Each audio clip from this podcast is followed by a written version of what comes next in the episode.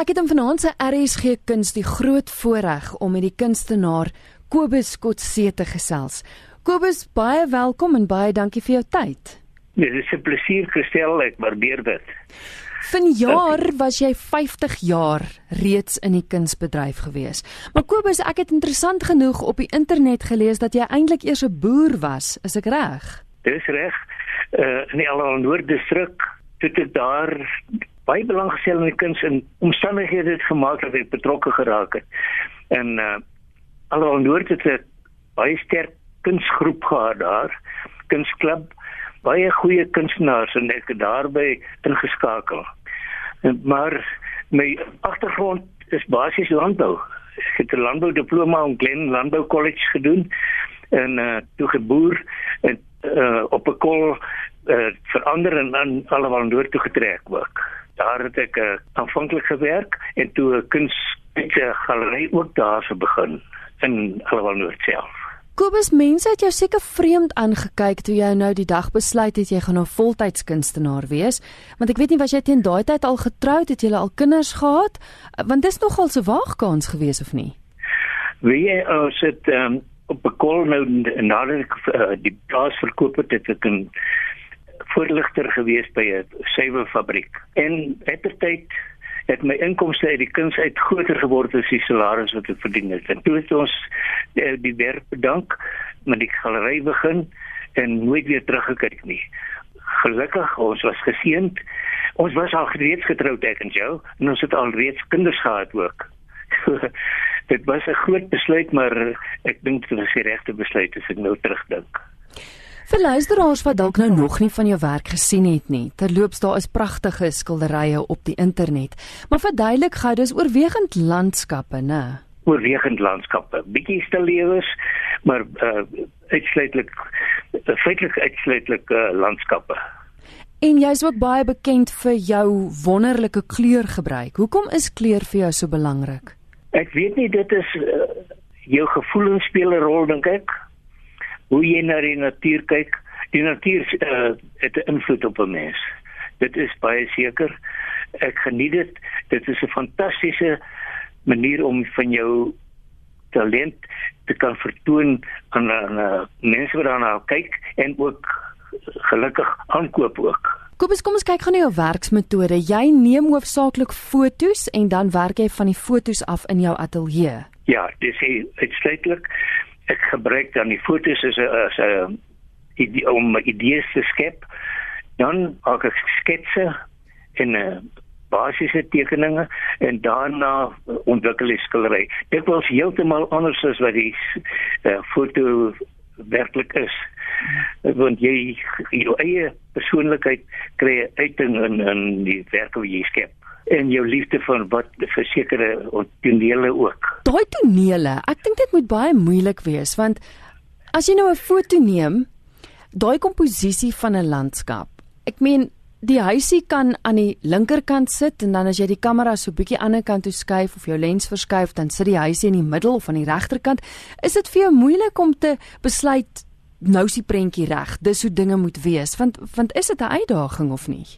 Dit is dit tot 'n mate 'n uitdaging maar ehm uh, mens skep jy verander die toneel sodat dit uh, aangenaam kan wees 'n uh, goeie komposisie.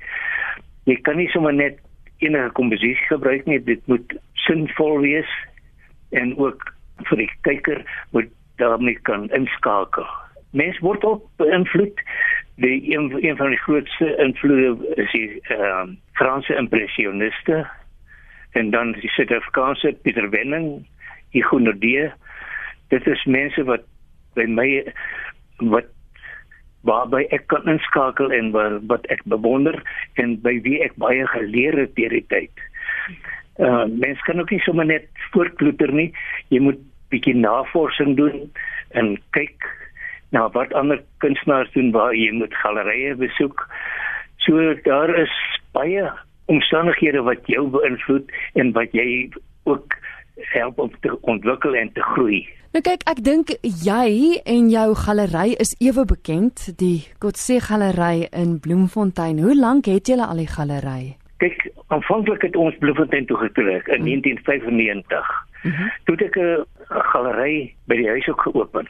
Dit was in 19, net na 1995 en toe dit Floris was sien ingeskakel by ons uit die galery op die ou bedryf en toe uh, die lokaal waar hy nou is ontwikkel waar hy ook uh, uitstal en uh, eh, ramery bedryf.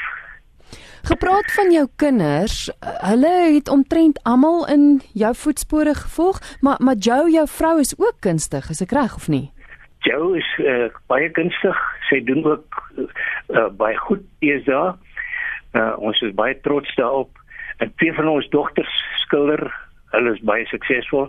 Marianne uh, Kotse sy werk onder haar Louison en uh, Hanley Kotse. Hulle is baie suksesvol, uh, maar hulle kuns ontwikkel self op 'n ander wyse uh, op 'n ander terrein is myne. My invloed is net om uh, hulle te beïnvloed om te skilder en hulle gevoelens weer te gee, maar hulle doen nie so dieselfde werk as wat ek doen nie. En as jy kyk na jou werk oor die afgelope 50 jaar, sou jy sê dit het verskriklik baie verander. Ja, nou dit het baie verander. Dit mens groei definitief. Nou, ons het baie uitgestel, baie wyd, baie plekke, kleiner dorpe, groter dorpe. Ons het daar baie suksesvolle uitstallings het gehad in plekke soos Hermanus, Parel, Worcester, Stellenbosch, Wellington en so voort in die dorpe waar ons een man waar ek een man uitstallings gehou het met baie groot sukses. Hartnepark uh, Pieter Maritzburg wat op uh, baie hoë standaarde sit ek 2 jaar die topverkoper onder andere gewees. Ja.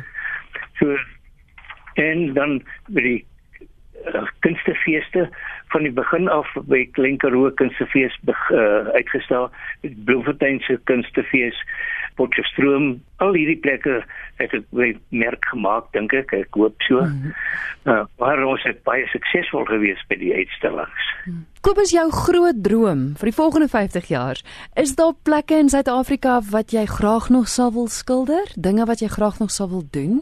Dit is so lekker om uh, die talente hè en uh, uh mense dit nog waardeer ook. Ek wil net hê dat my kuns moet ontwikkel en groei dit is iets wat jy moet nie staties raak nie. Uh dit moet mens probeer vir my ek uh hoop ek ontwikkel dit lyk vir my so en uh ek vertrou die publiek sien dit ook so.